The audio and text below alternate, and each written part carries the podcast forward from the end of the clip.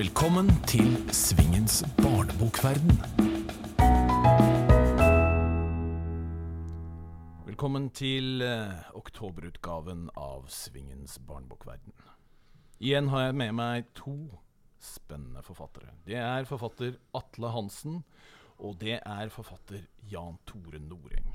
Vi skal begynne med deg, Atle. Velkommen. Takk skal du ha. Du har 20-årsjubileum i år, du. Som forfatter. Det har jeg faktisk. Ja. Åssen føles det?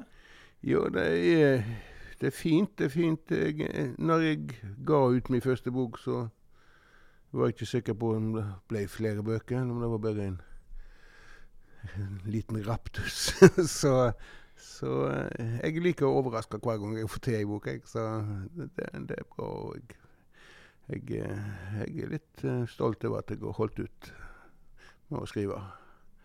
Jeg skal gi deg en liten vanskelig oppgave helt sånn i starten. Hvordan vil du beskrive deg selv som forfatter gjennom disse 20 årene?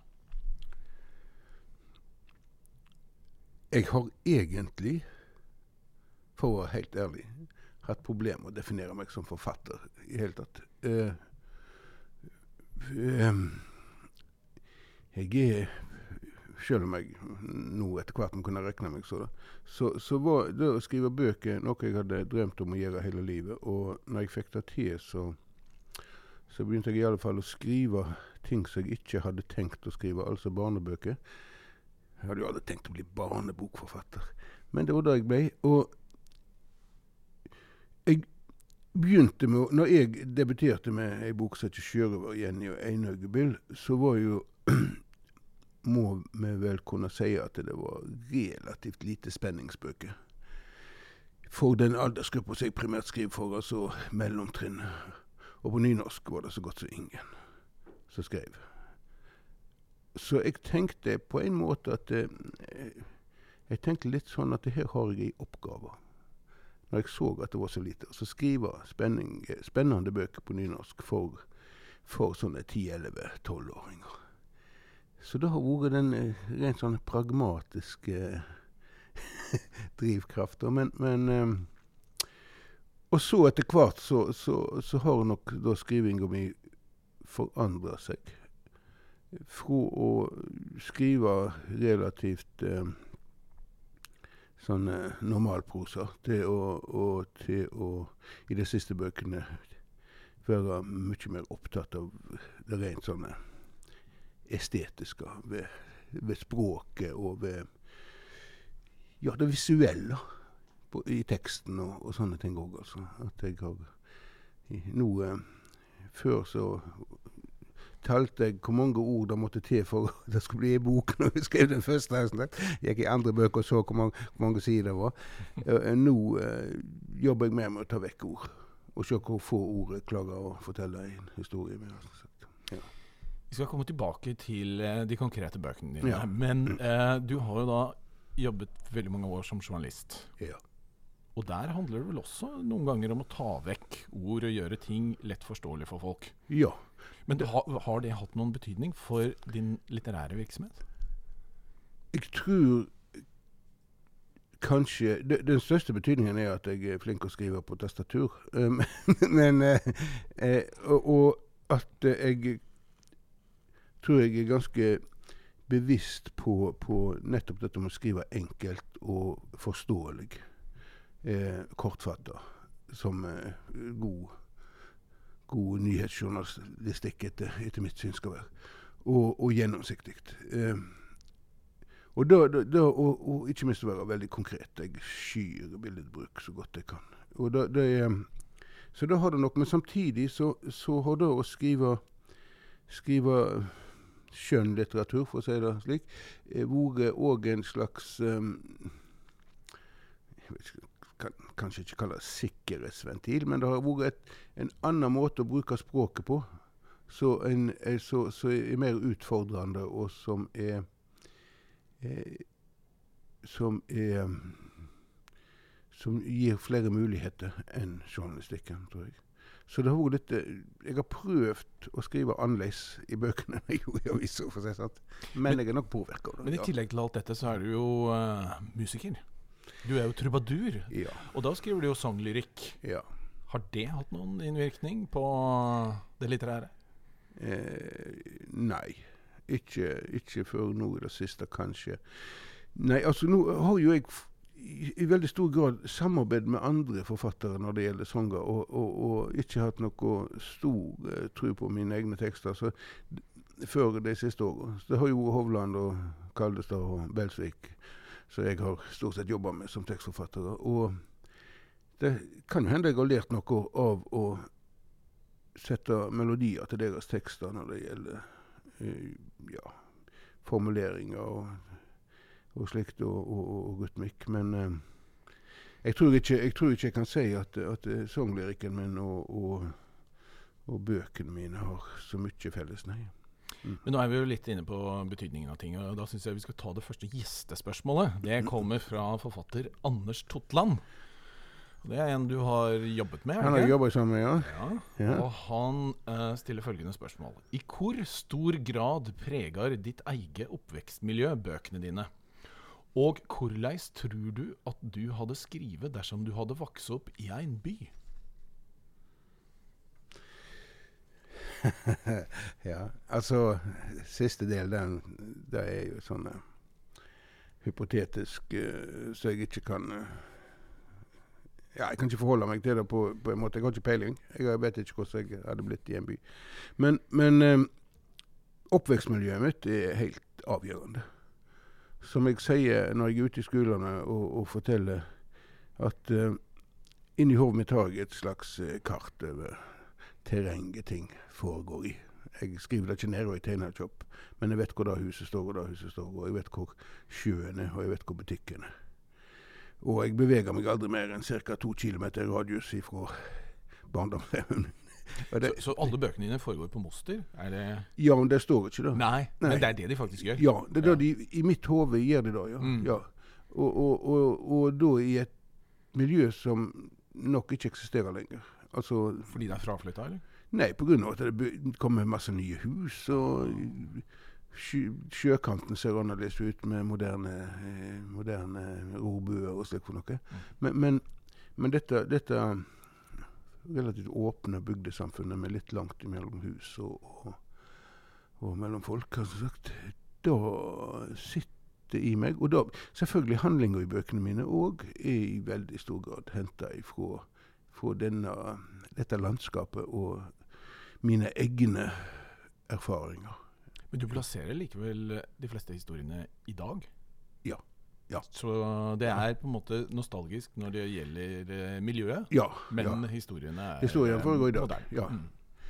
Så, så, men men det, det er liksom jeg, jeg kan ikke skrive noen bybøker, for jeg, jeg har bodd i by i mange år, men, men jeg har ikke noe sånne forhold til det, som, som er, er, er ek, ekte og djupt. Eh, det er noe Jeg leste en eller annen forfatter som sa at eh, eh, Det var et sitat i ei sitatbok. Der sto det at eh, du opplever ingenting etter du er 14 år som er verdt å skrive om. Ja. så så det, det er noe der. Eh, Du skriver jo eh, bøkene dine på nynorsk. Og eh, jeg var tilfeldigvis inne på eh, en sånn eh, side som heter Bokslukkerprisen i, i går. Og eh, du er ikke med der denne gangen, du har vært med der tidligere. Ja. Og der er det jo da ungdommene selv, eller ungene selv som Mm. legger inn noen korte anmeldelser basert på utdrag fra Mm. bøkene. Og der er det noen nynorskbøker, og da er det vil nesten si litt urovekkende mange som sier at ja, dette var spennende, men synden var på nynorsk. Det var Ja. så vanskelig å forstå. Ja. Hva, hva tenker du når du Nei, leser sånn? først, først så mener jeg det er bare tull. Uh, altså, det, det, det er sånn til, tilvendt uh, jeg, jeg, jeg griser mest i bokmålsområdet. og um, jeg har truffet veldig få unger som har sagt at de ikke forstår hva jeg sier, ikke forstår hva jeg skriver. Jeg har truffet veldig mange lærere som sier at de kan ikke bruke bøkene mine for de er på nynorsk for at ungene ikke forstår det. Så det er noe vi lærer opp eh, ungene til. Og så har jeg vært i bygder der de, de eh, der de snakker dialekter som er helt mer nynorsk enn meg, men har bokmål på skolen. Og så spør jeg hvorfor eh, de syns Nei, de forstår ikke nynorsk, sier de. Og da har jeg sagt 'forstår dere ikke hva dere sjøl sier'? For det, det, det, er en sånn holdning til det. Men på andre sida så har jeg òg fått en annen reaksjon på mine bøker. og det er at det var så kjekt å lese at jeg glemte at det var på nynorsk. Mm. og og da, da, tror jeg òg Det er en annen Kanskje at uh, at en kan skrive, prøve å skrive så engasjerende at språket ikke har betydning. Det tror jeg er fullt mulig. For du har vært med å starte en uh, litteraturfestival du, som ja. uh, bare har nynorskforfattere. Stemmer det? Falturiltu? Ja, det stemmer. Det var noe jeg kom på for noen år siden. Ti-elleve år siden. Så, så satt jeg og kona mi og snakket om hva vi mangler på stort. sånn. eh, vi hadde lyst til å starte få i gang et eller annet festivallignende litteratur. Og så kom jeg på at det kanskje en, eh, en barnebokfestival med bedre nynorskbøker for nettopp å fremje og sette lys på den nynorske barnelitteraturen. Som får mye priser, som blir eh, omsatt til andre språk, og som ikke blir lest i stor grad i Norge eh, av unger. Så da fant vi ut at, uh, at uh, det kunne være en, en, god idé å begynne med dette. Og nå Jeg har ikke vært med der på eh, fem-seks år sjøl, men det er jo blitt en stor og, og festival som jeg tror faktisk har større publikum enn sjøl de nynorske festspillene. så, så, det er blitt en veldig viktig, viktig samlingsplass. ja. Så det er en festival som jeg som bokmålsforfatter aldri vil bli invitert til? Du kan få komme på besøk. jeg så at eh, det skulle være en bokmålsforfatter med i år, da. Ja, ja. dere utvider. Jeg vet ikke mm. hvorfor. Men til bøkene dine. Uh, jeg har inntrykk av altså Spenning er viktig i bøkene dine, men uh, det er jo ikke alt som er spenningsbøker likevel. Nei. Du uh, virker som du hele tiden trenger den motoren for å drive historien framover. Ja. Det, hvordan tenker du når du Jeg tenker at, uh, jeg, jeg tenker at um, å lese bøker skal være kjekt. Mm. Det, det, tenker jeg. Og det skal ikke være, skal ikke være For en unge så skal det ikke være noe motstand og eh, sånt. Hvis en har gode litterære opplevelser, eller opplevelser av en, synes, en fin setning eller noe som en kan bære seg med seg videre, så er det strålende. Men jeg, jeg, jeg, tror ikke barnebøker er egnet for å, uh, refleksjon og dype tanker om livet. Jeg, jeg tror uh, skal en få folk til å lese, så må en skrive engasjerende. Og da er en uh, spenningstro et eller annet, en motor. Vi, og det er slik vi er. Vi vil høre hvordan det er slutt på den fortellinga, vi vil vite hva som kommer til å skje. Og hvis det ikke skjer noe, så, så slutter vi å interessere oss. Og så tror jeg da at en kanskje Jeg vet ikke om den siste boka mi er så veldig spennende. Sånn sett det er ikke noe spenning på den måten. Men, men jeg har Ja, jeg bruker vel bevisst sånne grep fra på dramaturgien forbi film og slikt. Det er jo dette jeg har studert en gang i livet. Så jeg, ja, jeg skjemmes ikke for å lokke, lokker og lurer leseren med meg. Nei. Men la oss uh, snakke litt om uh, den uh, nye boka di. Den heter 'Apetrynet'. Ja. Og Det er en uh, mobbehistorie. Det har vi jo hatt en del av tidligere også ja. i uh, barnelitteratur. Hva er det som gjør denne annerledes? Ja, for meg var det viktig å fortelle en hvis, Historien bygger på en liten opplevelse fra min egen barndom som jeg husker. Og, så jeg vet ikke hva som skjedde før og etterpå, men jeg husker akkurat den, den situasjonen der. Og så, og så um, eh, tenkte jeg at um, jeg måtte uh, prøve å finne ut uh, jeg, hadde lyst, jeg, hadde lyst, til å skrive om en gutt som følte seg utenfor, og som ikke er helt sånn uh, en del av denne her, idretts maskuline guttekulturen, på en måte. Altså om meg sjøl. Og, og, um, så, så, altså den stemningen jeg men, men Kan du fortelle om den uh, opplevelsen det er basert på? ja, det var hadde? faktisk da at jeg fortalte uh, noen uh, venner, slik jeg husker da. Slik jeg husker, så fortalte jeg noen venner om, om eh, en eh, film jeg hadde sett med apekatter i. Eh, Dette er så lenge siden. Altså det er over 50 år siden. Og vi var noen av de få som hadde fjernsyn på Måstad, da jeg vokste opp. For det var ganske nytt. Og de andre hadde nok ikke sett dette. Og så husker jeg at etter jeg hadde gjort dette og, og gjort meg til, har jeg sagt, så var det en som sa at du behøver ikke, gi- behøver ikke herme etter apene. Du ser ut som en apekatt. Ikke sant? Og da, på en måte så har det gått rett inn i, inn i meg. Og, og så tenkte jeg at jeg skulle skrive om dette. Og så ville jeg ikke skrive en historie som ender i eh, fortapelsen, for å si det sånn. Som er så svart og mørk og elendig. Og for jeg tror at det er sånn Du sier mobbing, jeg eh, kaller det for egling eller erting eller sånt. Det skjer blant unger. Og en skal, skal ikke gjøre det for stort heller, liksom. De kan glemme. De kan, du har, det er noen som ser deg. Det er helt sikkert noen som ser deg en plass. Og hvis det ikke er akkurat nå, så kommer det noen. Altså, Da hadde jeg lyst til å skrive om at her er det ei jente som, som ser han. Og en kompis som ser han, på en måte. Men først og fremst er det en far. Og så hadde jeg lyst til å skrive om en god far. Foreldre i norske barnebøker er jo veldig ofte dysfunksjonelle. Eller fraværende. Eh, og de er Eller komplette idioter. Og, og, og eh, jeg hadde lyst til å skrive om foreldre som fungerer. Og en far som fungerer. Og at eh, folk som kanskje føler, har det litt tungt i hverdagen sin, kan lese noe som er fint, og så gir det litt håp. Og ja, da tenkte jeg Det, det skiller seg litt ifra Ja, For du syns at veldig mange barnebøker i dag er for dystre? Ja, jeg jeg, jeg, jeg syns det er veldig mye dystert.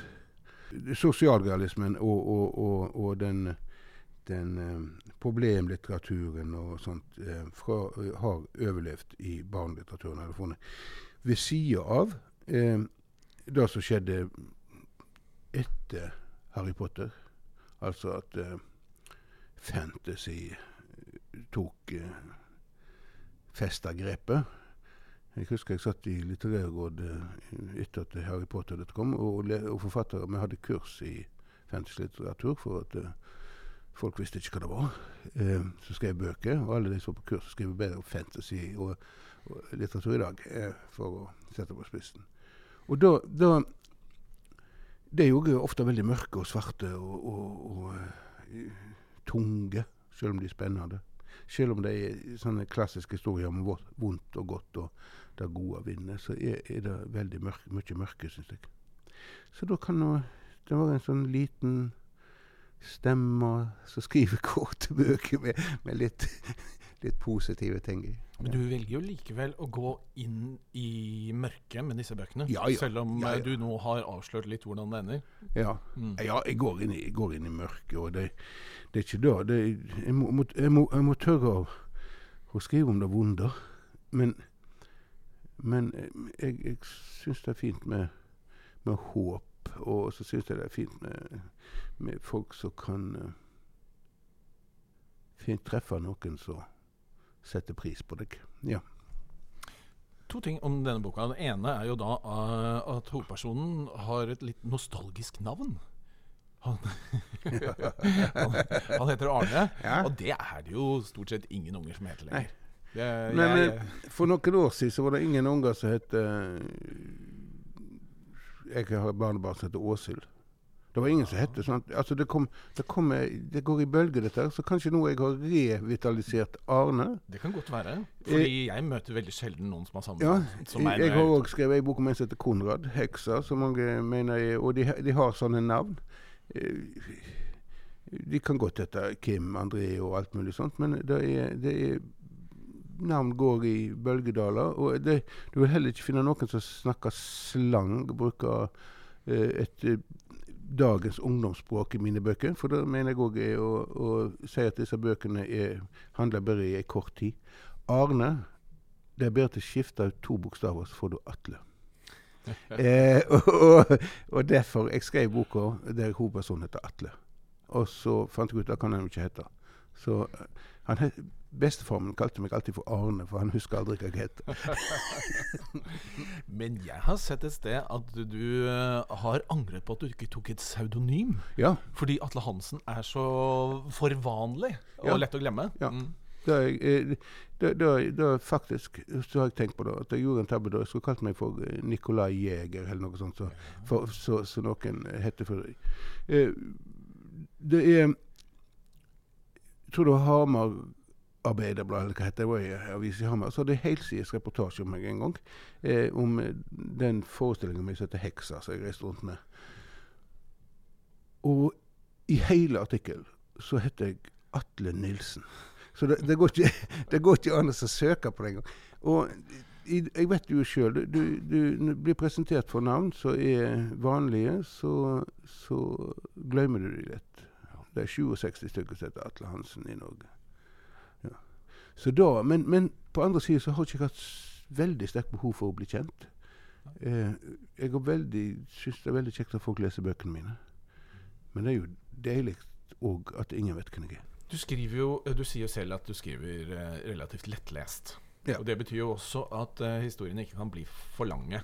Nei. Syns du det er lett eller vanskelig å skrive kort? Veldig mange, Nå må jeg jo bare tillegge at uh, for mange lyttere at veldig mange forfattere sier jo at de syns det er vanskelig å skrive kort. Ja, det er jo vanskelig å skrive kort. Mm. Uh, men før en har lært seg det Nei, altså For meg er, består veldig mye av jobben i å ta vekk ord. Og se hvor få ord jeg kan bruke, og hvor eh, lite jeg kan fortelle.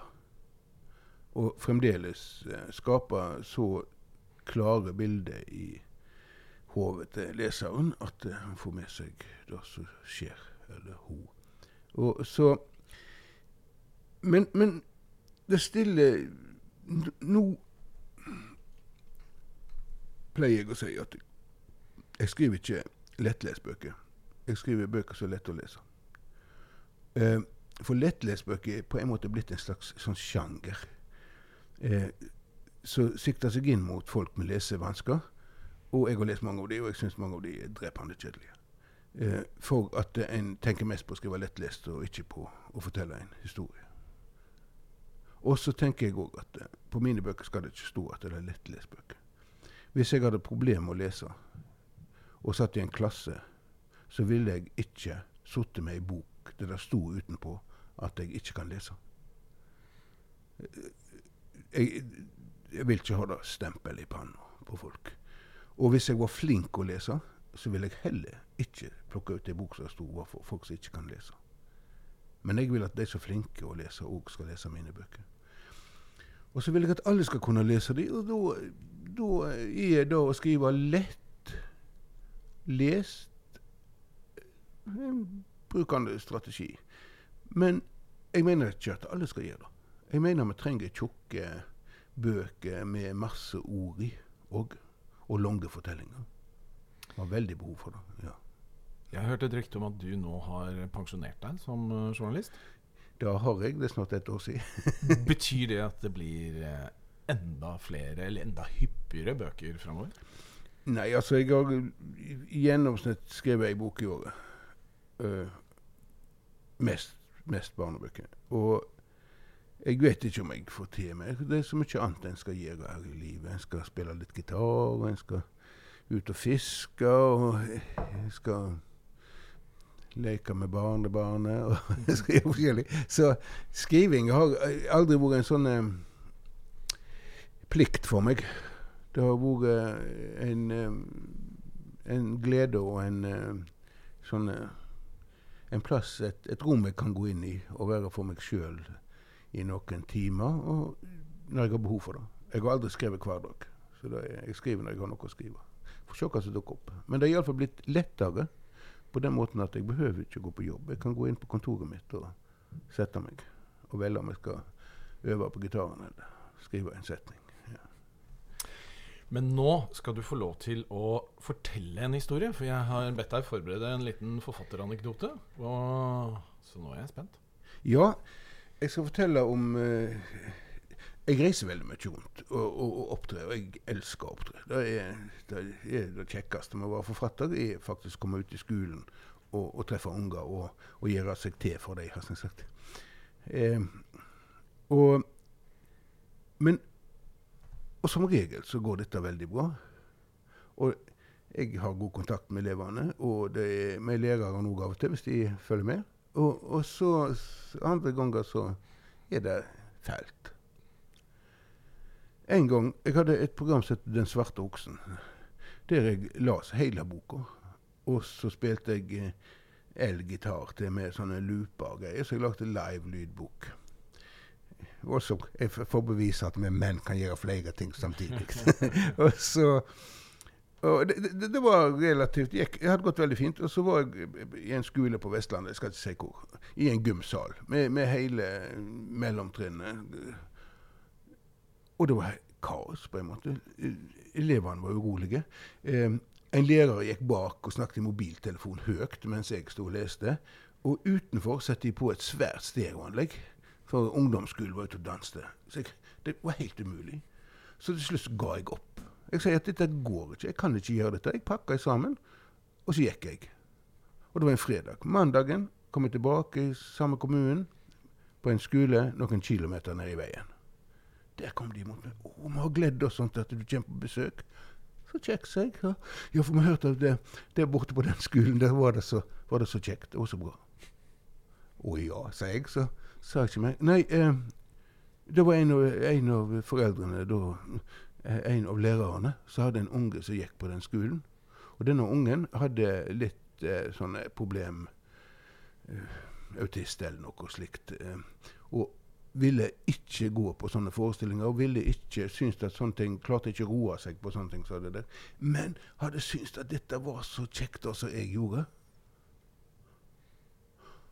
Og da fikk jeg liksom litt eh, ja, hakaslepp, eller litt vondt inni meg. For at eh, der står du og irriterer deg over lærere og bråkete elever og tenker at det du gjør, er helt håpløst bortkasta. Og så er det noen nedi der som likevel har en god opplevelse. Og det har du ikke sett. Og sånn er det ofte når er opp, med opptrer og ute i skolen. Sjøl om det flesteparten, kanskje, veldig sjelden, ikke bryr seg, så kan det være én eller to eller tre som sitter nedi der og har sin livsopplevelse med å møte et ekte menneske som forteller en ekte historie til dem. Og det tror jeg vi må tenke på hele tida når vi er ute. Ja. Takk for fin eh, historie. Nå syns jeg det er på tide å få inn dagens andre gjest. Og han kommer nå og setter seg, og det er Jan Tore Noreng. Velkommen, eh, Jan Tore. Takk, takk. Eller Bjørn Tore, som jeg noen ganger eh, er i hodet mitt. Har du noen gang tenkt, på, tenkt på å skaffe deg pseudonym? Ja, for akkurat den Tore-kombinasjonen Tore ja. er en del variant, varianter. Nik Nikolai Jæger, det var fint, da. Det hadde vært Det er en av mine forfedre. jo, vet du, jeg har aldri tenkt, tenkt, det, men jeg har lekt med navnet mitt, og jeg har bytta om på bokstaver. Sant? Det var vel noen sånne her uh, forelesninger jeg satt på da jeg var yngre. Så jeg vet at jeg kan bytte om på bokstavene og kalle meg sjøl for eh, Anton Genero junior, f.eks. Det er ganske, det, er ganske, det høres kult ut, det òg. ja, um, jeg har lyst til å uh, snakke om én ting uh, når dere er her nå. Og det er uh, et tema som man kjenner man noen ganger blir lei av, men som aldri blir helt uttømt. Og det er gutter og lesing. Og dere er jo da mye ute og, og farter. Eh, hvordan har dere inntrykk av at situasjonen er nå? Gutter og lesing? Nei, jeg tror fremdeles det er sånn som det har uh, vært ei stund. Eh, det er mye oppmerksomhet rundt det. Mange lærere som, uh, som er obs på det her. Og jeg, jeg, det, jeg, vet ikke helt hvorfor det, det, er sånn. Om det er bare det her med at det er Det kanskje ikke er kult nok, da. Jeg pleier å spørre, pleier å spørre um, elevene om um, Når jeg reiser rundt på skoler, så spør jeg, spør jeg elevene om hvem det er som er lesere. Og ikke så mange rekker opp hånda. Hvis jeg da spesifiserer det og sier x antall bøker i året, så blir det gjerne flere hvis jeg sier tre eller fire bøker. da. Snakker du her om eh, barneskole eller eh, Ja, Begge deler, egentlig. Men ja, nei, mellomtrinnet som jeg reiser en del på, der er det, der er det en del lesere, har inntrykk av. Mm. Det blir borte i ungdomsskolen. Det er mitt inntrykk. Uh, på ungdomsskolen så, så spør jeg om, om hvem som er lesere, og ikke så mange. Men hvis jeg spør om hvem som er gamere, f.eks., så vet de helt sånn klart at de er gamere. da. Det er en helt sånn definert greie for dem, uten at du trenger å, å, å forklare det. De vet at de er det, og det er gutter stort sett. da. Um, så det er vel noe med at uh, en del gutter har, får fortellingene sine fra spill i dag. Mhm. Og det er, jo, eh, det er jo en del gode fortellinger i spill også, det skal vi, skal vi være klar over. Altså Kanskje mer enn en mange voksne som ikke spiller noe, eh, vet. Ja, og så er det òg et eh, definisjonsspørsmål om hva lesing er for noe. Jeg eh, tror ikke situasjonen er verre enn han har vært, og jeg tror aldri han har vært annerledes. Eh, når jeg var eh, i skolealder, så var jeg en av de få guttene som leser bøker på biblioteket. Alle leste dem. Morgan Kane og sånne bøker som eh, sprang til hverandre for å låne eh, denne populærlitteraturen. Og da, da tror jeg eh, Da ble, ble jeg sikkert ikke regna for skikkelig lesing da. ikke sant? I dag eh, en liten historie. Eh, to gutter jeg kjenner. De var i eh, sånn eh, den der alderen der, der de slutta å lese, og foreldrene var uroa, så de spurte meg eh, om hva de skulle gjøre. Jeg var på besøk. De leste jo ikke bøker. Så på vei ut så stakk jeg hodet inn på rommet til den ene der han satt med PC-en og spilte dataspill. Og ved siden av han lå det noen sånne tjukke manualer og greier. Så jeg, har du lest de bøkene? Selvsagt har jeg lest de. Jeg kunne ikke spilt dette uten. Men, Ja, Men nå har- nå har det jo kommet uh, nye tall fra ungdomsskoletrinnet. Og jentene er jo da bedre enn gutta i uh, alle fag bortsett fra gym.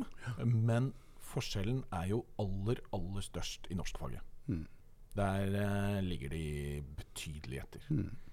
Og jeg er jo generelt litt bekymret for at gutter eh, som da tidligere kanskje kunne gå inn i yrker som i dag blir automatisert i større grad, eh, kommer ut i en yrkesvirkelighet hvor de faktisk er nødt til å kunne beherske språket for å kunne få seg en uh, ordentlig jobb. Og jeg tror at mye av inngangsporten der er litteraturen. Men eh, jeg vet ikke om det gjøres nok. Hva er Eh, deres inntrykk? Jeg, mer jeg, jeg merker forskjell på de skolene hvor, eh, hvor de faktisk gjør et eller annet. Det trenger, det trenger ikke være noe veldig kompliserte aksjoner eller, eller noe sånt. Det, det handler, tror jeg, bare om å sette av tid til å lese. Lese høyt for de, være, være altså, helt, helt opp til 10. klasse. Lese, lese høyt fra bøker. Og sette av tid til å lese. De skolene som, som har noe de gjør, altså de bruker 45 minutter, der elevene legger bort mobilen, eller jo, de fleste skoler har jo mobilfrie timer og sånt nå, da. Men de skolene som faktisk gjør noe, der merker jeg forskjell. Der er det flere lesere. Det er helt enig altså, altså. Høytlesninga må komme til heder og verdighet igjen. Og lærerne må faktisk ta den jobben. Når, når, når jeg var liten, når vi var små, så hadde vi lørdagsbarnetimen. Hver lørdag så gikk jeg inn og satte meg ved radioen og hørte folk lese høyt fra Little Lord Fauntleroy, Greven av Monte Cristo, store fortellinger.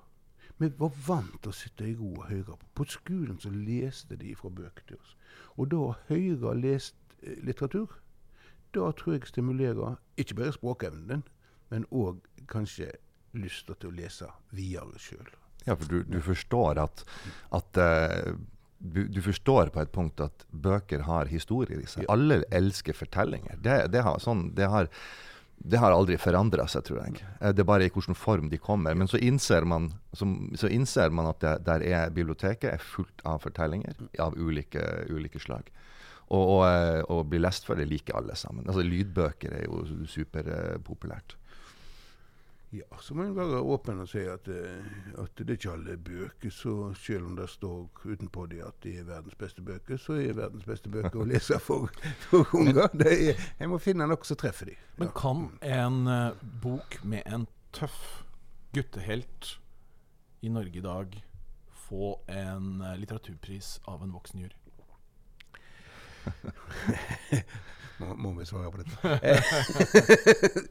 ja, de kan sikkert det. Altså, hvis- Det er mulig det er i teorien. I Ja, i teorien, ja, er det nok mulig. Eh, Jeg tror, eh, jeg tror eh, Jeg tror nok at, at det ikke alltid er en fordel for ei bok å få pris. Jeg skal ta fram et nytt gjestespørsmål. Det er, går da til dere begge. Og det er fra forfatter Brynjulf Jung Kjønn. Og han skriver Da jeg gikk på ungdomsskolen, var romanen 'Beatles' av Lars Saabye Christensen ei av mine store leseopplevelser. Hvis de skulle skrive en roman for ungdom der boktittelen var et bandnavn, hva ville tittelen på boka ha vært? Og hva ville romanen handla om? Um, ja, jeg, jeg har tenkt eh, jeg har faktisk, der, er- der ga han meg en idé, faktisk. Eh, jeg har tenkt at jeg, jeg, jeg pleier å vurdere min, min barndom, eh, er den, eller ungdom, er den verdt å skrive om? Jeg har innsett at det er den faktisk. Eh, den tida som jeg levde i da. Eh, 80-tallet, være ung, på det stedet hvor jeg bodde, for det er ganske spesielt. Uh, og det, um, det var, var Heggelia i Målselv, altså nærheten av Bardufoss flystasjon. 80-tallet var kald krig. Det her har jeg, har jeg innsett at fra da jeg var lærer også, at ungdom i dag skjønner ikke den greia der med å leve under den trusselen. Eh, og det, det der er selvfølgelig et eh, kunne vært tema for ei bok. Eh, og da må jeg jo bare tenke på hva jeg hørte på da. Og det, da jeg begynte å høre på musikk, så, så var det Dire Straits, og det var Clash, og det var Police. Så Så hvis du skulle valgt én av dem ja, jeg, jeg tror jeg skal ta den Jeg ville ta den platetittel, tror jeg. Jeg ville kalt den 'Making Movies' eller noe sånt, kanskje. Atle? Jeg ville gått for Clash. Jeg, men, ja, jeg tenkte også det. så, så um, Nei, altså jeg, jeg, jeg, mener da Brynjulf at eh, det skal være en, en, en bok om min eh, barndom og eh, hva musikk som, som engasjerte meg, eller mener han om fra dagens ungdom?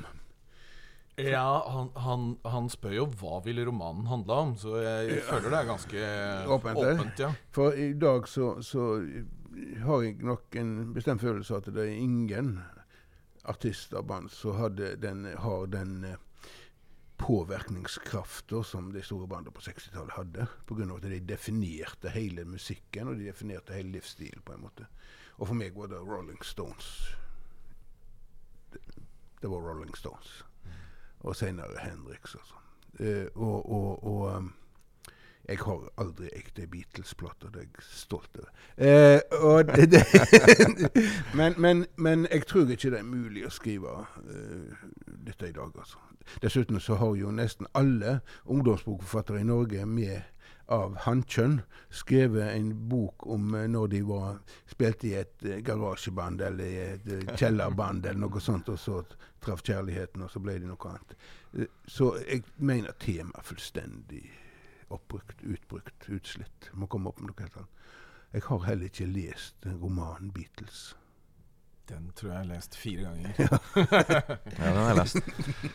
Men Men, kanskje kunne det vært ei, Kanskje ville det vært uinteressant for, eh, for barn, muligens. Det, det er ikke sikkert, jeg, jeg vet ikke. Men kanskje det kunne være en roman for voksne. Ser jeg ikke vekk ifra. Jeg har nok vært innom det. der. jeg har utfordret dere til en eh, annen ting. Et spørsmål til hverandre. Skal vi begynne med ditt, Atle? Ja, eh, nå kjenner ikke jeg eh, han så veldig godt. Og, og, eh, så jeg, jeg måtte inn på, på nettet og, og lese litt på den bloggen hans. Og jeg har jo sett og fått bøkene i heimen tidligere. Og, og, og, eh, og så tenker jeg han, han står fram eh, sånn i eh, Eller du står fram på, på, på internett og på bøkene dine som en veldig sånn eh, macho eh, ytre, ikke sant? Veldig sånn hardt og Bare et spill. Ja, er det bare spill? Er det en del av et sånn image som du bevisst har når du begynte å skrive, bygde jeg opp kring bøkene i, med utgangspunkt i da du skriver, altså at du serverer en pakke, på en måte? Uh, interessant spørsmål. Nei, det er ingenting, ingenting bevisst. Jeg er veldig lite bevisst på, eh, på sånne ting. Jeg tenker ikke ver verken image eller, eh, eller noe sånt. Skal vi ta spørsmålet ditt til Atle? OK. Det ble så langt og komplisert, da. Skal vi se. Jo. eh, eh, jeg har drevet research på deg også. Googla, som det heter i dag. Eh, jeg forstår det at du har et forhold til tradisjoner, til overtro, tru og overtro, eh, mytologi, kanskje lokale fortellinger. Og det overlapper kanskje et spørsmål du svarte på i stad, men, men hva slags plass hadde de fortellingene i oppveksten din, og hvilken rolle syns du det bør spille for dagens ungdom? De her lokale fortellinger og tru og overtru. Jeg vokste nok opp i et miljø der det vi kaller overtru, var eh, høgst levende. Det var Eh, tru mer enn overtru, liksom? Ja, altså Mor mi likte ikke at vi, det lå to fyrstikker i kors i askebegeret, f.eks. Eh, altså, sånne magiske Mm. Var en del av virk virkeligheten. Var- og, var, eh, og eh, med far fra Finnmark eh, så har jeg òg fått inn en del fortellinger derifra. Og jeg bruker opplevelser jeg sjøl har hatt, som er uforklarlige eller uforståelige. Eller muligens bare jeg har drømt. Og jeg tror det er veldig viktig. Jeg tror det, det har med identitet å gjøre. Altså. Å kjenne Når jeg skrev 'Ulvestova', så brukte jeg lokale huldresegner fra Stord, som jeg, jeg skrev inn i. Og jeg tror det er veldig viktig å kjenne det miljøet du bor i, det, det, den staden du bor i, den historien det er. Og en del av historien er det uforklarlige. Og da, selv om jeg er materialist og rasjonell nok, så, så har jeg møtt nok spøkelser til å til å begynne å lure på det. Ja. Mm. Atle, nå skal du få lov å gå og hvile deg litt. Tusen Takk takk, for at du stilte opp. Det var veldig kjekt å være her, Arne. Så, så eh, takk for at du inviterte meg.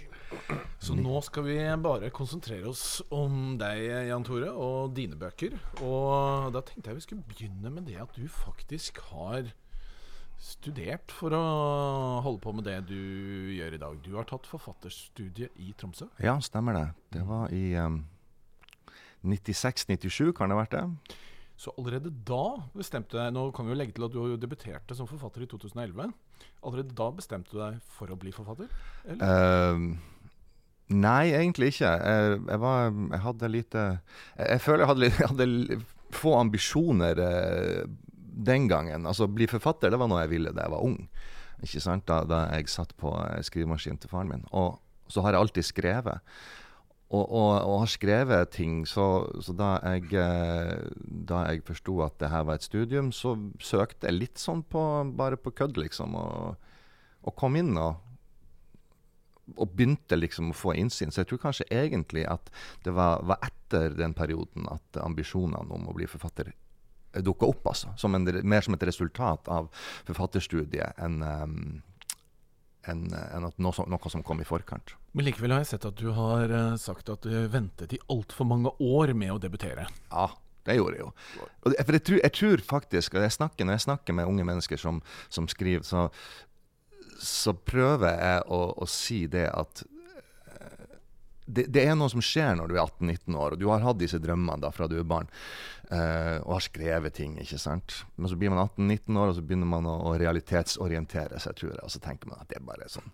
Fordi at man har et feil inntrykk av hva det vil si å være forfatter. ikke sant? Det er en sånn kjendisgreie, kanskje, begynner man, og så tenker man at det er urealistisk, og så, og så forfølger man liksom ikke den. da. Så det tror jeg nok jeg kunne ha gjort tidligere. Men nå er det jo en del av oss som da ikke har gått noe forfatterstudium og likevel har eh, blitt forfattere. Men hvilken betydning vil du si at det studiet har for de bøkene du skriver i dag? Uh, det, hm, det ga meg innsikt i den verdenen. Det ga meg noen kontakter. Uh, men jeg må si den viktigste forfatterskolen jeg har gått, det har vært de her siste, siste årene. Altså på forlaget, med en dyktig redaktør. Det har vært altså på rent praktisk eh, skrive, skrive Det å skrive, altså. Hvorfor ble det barne- og ungdomsbøker da du eh, begynte å skrive? Jo, da, da jeg um, da jeg hadde, var ferdig med, med forfatterstudiet, så, så strevde jeg, jeg skrev for, for, voksne den gangen. Jeg skrev, um, jeg skrev dikt og jeg skrev korttekster. Fikk ikke til å skrive langt. Uh, så, så, begynt, så, sendte jeg ting inn til forlag og fikk, uh, begynte etter hvert å få flere og flere konsulentuttalelser, men fremdeles nei da. Så eh, når jeg da fikk et brev hvor konsulenten sa at dette må utgis, mens redaktøren sa at jeg glemmer, jeg, glemmer, aldri den setninga. konsulenten har nok Hva var han sa da? Jeg sier jeg aldri glemmer det. Nå har jeg glemt det. Konsulenten har nok eh, latt seg forføre av tekstflaten, var det han sa. Jeg syns det var så utrolig fint sagt. Tekstflateforfører, liksom. Så da tenkte jeg, da flytta vi, eh, da flytta vi eh, fra, fra, by. Da flytta vi fra Tromsø til Mefjordvær, der kona mi er fra, for å kunne leve billigere, sånn at jeg kunne skrive. Det ble en roman for voksne. Prøvde å si en masse smarte ting. Eh, om viktige ting om livet. Uh, fikk uh, konsulentuttalelse på den, men hadde ikke uh, stamina nok til å liksom, få gjort det ferdig. da, Få jobba med det. Så gikk det noen år, og jeg var tilbake som lærer igjen. Og, og så snakka jeg med en kamerat, og han snakka om det han elska å gjøre. Og det eneste han var god til. Og Da tok jeg en liten sånn runde med meg sjøl. Hva, hva, er det jeg er god til? Det er ikke sikkert det å skrive engang, men, men jeg er god til å fortelle, kom jeg fram til. Og så begynte jeg bare, uten å prøve å si noe smart, å finne på ei god fortelling. Eller den kom etter hvert, da. Og det ble, det ble den første boka mi. Sånn. Det ble bare tilfeldigvis uh, fortelling for, for barn. da. Den første boka di, 'Dødens skole', det ble jo da spenning. Var det bevisst også, eller var det det ja. du følte at det var det du var best til? Ja, spenning for, for, fordi, at, uh, fordi at jeg føler som, som Atle at det, det jeg vil gjerne at det skal være spenning uansett i, i bøkene. At det er et eller annet på, på et eller annet nivå da, som, som, driver det framover. Men du ble ikke helt ferdig med Dødens skole, for den er da gjenutgitt? Uh, ja. Og er den, er den helt uforandret? Den, nei, den er ikke helt uforandret. Uh, den, den, uh, den, solgte ut, da, og da, da, så jeg jo i kontrakten min at jeg hadde rettigheter i forhold til det. Så jeg kunne be dem om å trykke opp et, be forlaget om å trykke et nytt opplag. Men så hadde jeg ikke lyst til å bare, bare, bare, gjøre det. Jeg hadde lyst til å komme med et forslag i tillegg. At vi gjorde det om til en serie. da. Og det gikk de med på. Og eh, den er ganske uforandra, men eh, det har skjedd ting siden 2011. Eh, der var f.eks. en smarttelefon i den, og den ble framstilt som noe helt fabelaktig med touchskjerm og det hele. Så det måtte jeg forandre. Eh, og så måtte jeg eh, lage noen frampek til det som liksom skjer videre i historien. Da. Så litt endringer er det. Ja, for dette er nå blitt en, del av en serie som heter Robofobia. Ja. Og det kom da en helt ny bok i år som heter 'Ukjent fare'. Ja. Og jeg regner med det blir flere? Så kommer det, en, eh, kommer det en til neste år som heter OND. Som foregår i Oslo. Wow. Men du har gjort det litt vanskelig for deg ved å ha mye teknologi i disse bøkene. Eh, ja, syns du Syns du det? Nei, men Du nevnte jo bl.a. at det er, en, uh, ja, er sånn. en rivende utvikling innenfor teknologien. Der. Så noe kan jo fort virke litt gammeldags, rett og slett fordi ja. det har kommet til nye ting. De fleste, de fleste, forfattere som jeg snakker med, de, de sier at de prøver å uh, gjøre va ting vage litt. Grann, Men uh, det har ikke jeg gjort i, i mine bøker. Det har jeg jeg har egentlig ikke tenkt veldig over det, da. Men jeg har helt klare referanser. ikke sant? I, i Alfahan så er det Cristiano Ronaldo som henger på veggen. Og, han blir jo borte på et punkt, så den boka blir jo Men, men historien er jo, er jo, kanskje aktuell allikevel, da, tenker jeg da. Men er du spesielt opptatt av teknologi? Eh, ja, jeg vil som mange menn er opptatt av eh, duppeditter og jeg, gadgets. Jeg hørte at du har et lesebrett som du kan bruke i dusjen? Ja, det er vanntett. jeg, liker ba, jeg, liker å bade og lese, da. Ja, det, det, det jeg liker. I sånn stamp, eller er det Ja, nei, ja gjerne, gjerne i eh, jacuzzien til faderen på hytta, altså. Under, under nordlyset. Så du har en del sånn tekniske duppeditter? Ja, lite altså. grann, da. Mm. Men når du da eh, gjør en sånn serie som det her, planlegger du en større serie? Nå snakker du om at det blir en tredje bok. Eh, Det blir en tredje bok. Eh, Det visst, jeg visste at det skulle bli tre, da. Eh, men jeg har tenkt i det siste at det er, litt, uh, det er litt kjipt å ha bare tre bøker i en serie. Så uh, vi får se. Det er det jeg tenker nå, at kanskje må det bli enda litt flere. I disse programmene så har vi jo gjestespørsmål, og du har også fått et gjestespørsmål fra forfatter Anders Totland. Så vidt jeg har forstått, endar gjerne eit vellykka forfatterbesøk med Jan Tore Noreng med at ung, ungdom, ungdommer i ubalanse springer tårevåte på gangen. Har, har du noen som helst grense for hvor skummelt eller ekkelt du vil skrive for barn og unge? Um, nei, det, det tror jeg vi forfattere må gjøre. Pushe grenser litt. Det, det tror jeg absolutt. Eh, jeg, tror, jeg, jeg tror ikke det er vår oppgave å, å stoppe ved noen noe grense og liksom holde igjen. Ehm, jeg liker å skremme elever. Jeg pleier å lyge til elevene og si at en gang så var det ei fjerdeklassejente som fikk hjertestanser, som døde senere.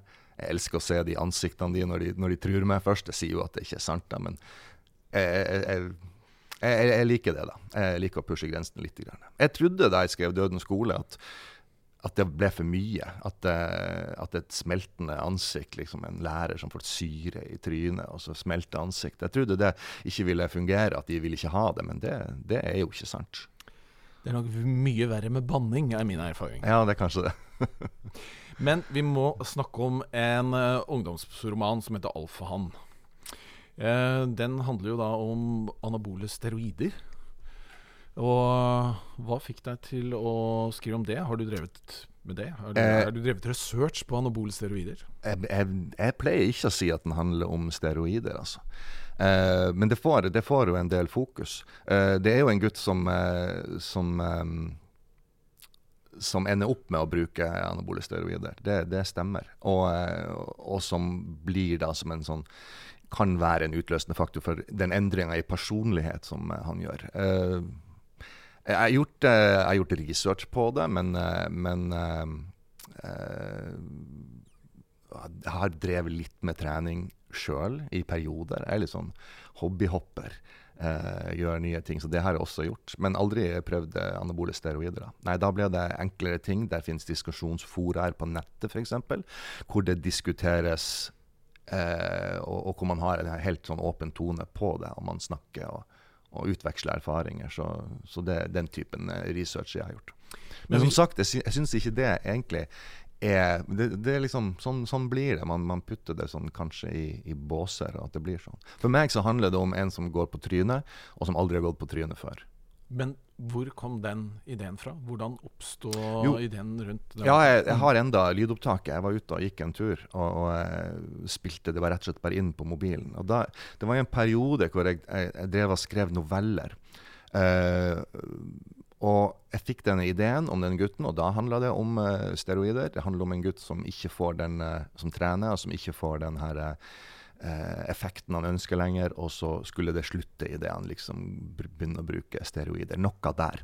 Og, og det var jo litt fordi at det var, det var ingen som snakka om gutter og, og forholdet til sin egen kropp. Og jeg visste jo, etter å ha vært i skolen, at det er plenty av gutter som, som eh, bryr seg veldig om kroppen. da. Sant? Ikke nødvendigvis på noe, på noe dårlig måte, men at det er et tema. Det, det visste jeg.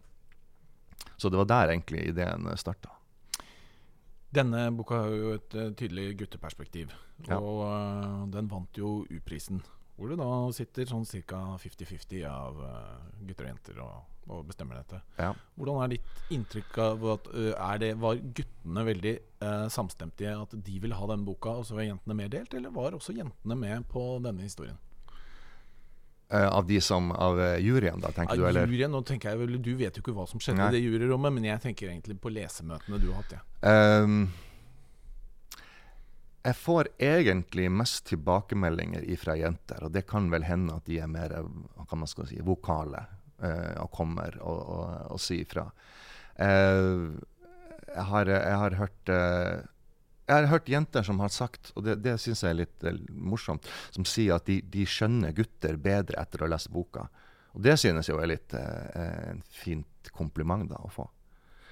Uh, jenter som, som, kjent, de leser jo Når de leser, leser de, har de ingen, leser de liksom det meste. Og, og, gutter de vil lese guttete ting. da. De er i hvert fall skyr de hvis det er for mye følelser og, og sånt. Men der må vi lure dem litt, kanskje. Vi eh, snakket jo litt med Atle om eh, betydningen for skriving bl.a. Eh, når det gjelder eh, landskap og sted. Og du sier at eh, neste års bok eh, foregår i Oslo. Men ja. Du bor altså i Medfjordvær, som er, ligger på Senja, som jeg har skjønt er et ganske lite sted. Det er vel en av ja. de få stedene jeg ikke har vært på skolebesøk.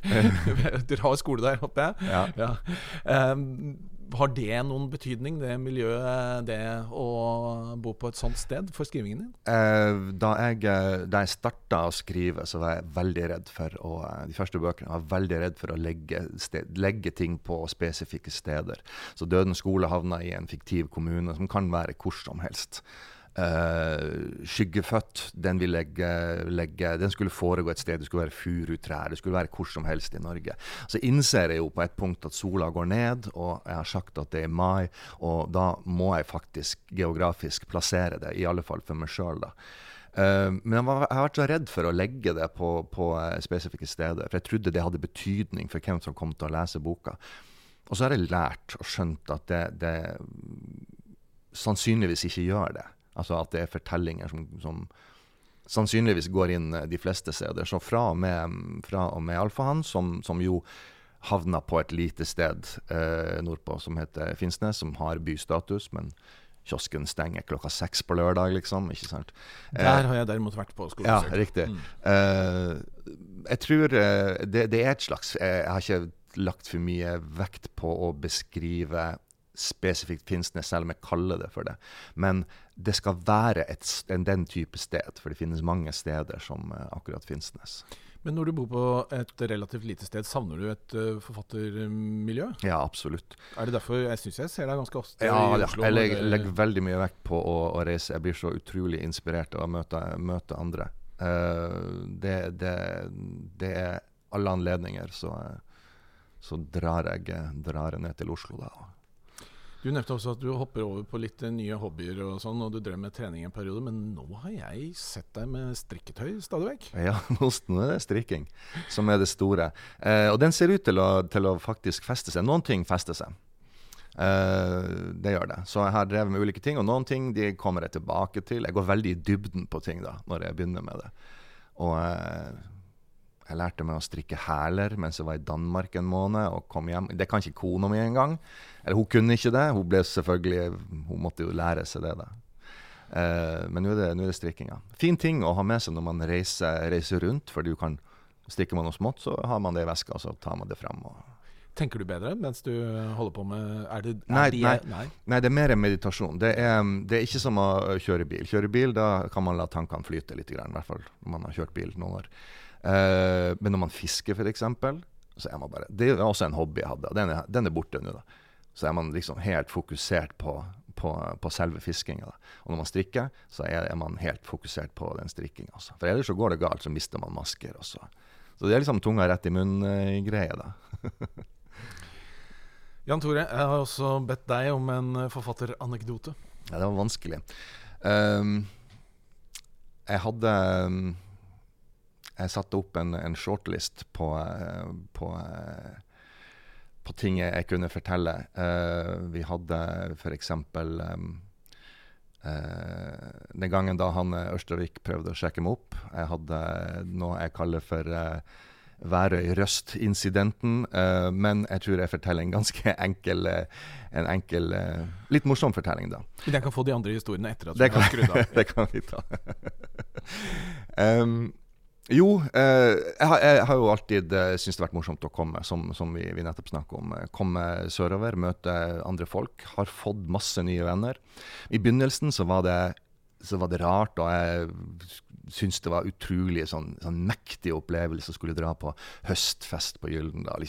Møtte opp, god tid. og Sant? Før det var kommet noen, og var den første som drakk champagne. og sånt der. Gikk inn før den røde løperen kom ut, og ble litt irritert av det etterpå. da. Og så har jeg jo gjort, har jeg jo vært Jeg føler meg fremdeles ganske ny, men, men eh, mer og mer så blir jeg blir avslappa på disse tingene. da. Så nå sist på sommerfesten til, eh, til Gyldendal, så eh, tilbrakte jeg litt tid i lag med dattera mi, som eh, går på Westerdals og står i bar på Vippetangen. Eh, festen skulle begynne klokka seks, og hun var ferdig klokka seks. Hun spurte om ikke jeg kunne bli der, og så kunne vi gå, gå til byen i lag. Så det, det gjorde vi, og ble, klokka ble over seks da. Så når jeg kom inn, så var klokka kanskje halv sju. Eh, og jeg ser jo at folk har benka seg til å spise allerede. Og så uh, skynder jeg meg jo inn og tar meg et glass vin og henter meg noe mat i buffeen der og setter meg i lag med i lag, med, i lag med alle som er der. Ser utover for å se om det er noen jeg kjenner, og ser ingen. Så jeg, tenker, så jeg sitter litt rart, Men da setter jeg meg bare på nærmeste ledige stol og blir kjent med de folkene som er der. Da. Så jeg setter meg ned og eh, spiser og snakker med folk, og vi sitter kanskje en halvtime og prater. Og så er det ei av de her damene som sier Hva slags voksenopplæring er du fra, da? Og da innser jeg at jeg har kommet feil. Jeg sitter og spiser i feil selskap. Uh, jeg skal opp noen etasjer. Uh, men, uh, men jeg spiste opp og drakk opp, drakk opp vina mi, og så tok jeg heisen opp. Og, og, der var de andre klare til å spise, da. der var alle de som jeg kjente fra før. da. Føler du at du har lært nå? At uh, neste gang så ser du litt rundt i rommet må, og ser om må... det faktisk er ett kjent ansikt der? ja, ja, kanskje det. er jo fordelen med å ta seg mange Oslo-turer. Du blir jo som sagt kjent med mye forfattere. Ja. For det er jo det er kanskje litt få forfatterarrangementer i Medfjordvær, men uh, Altfor få, ja. ja.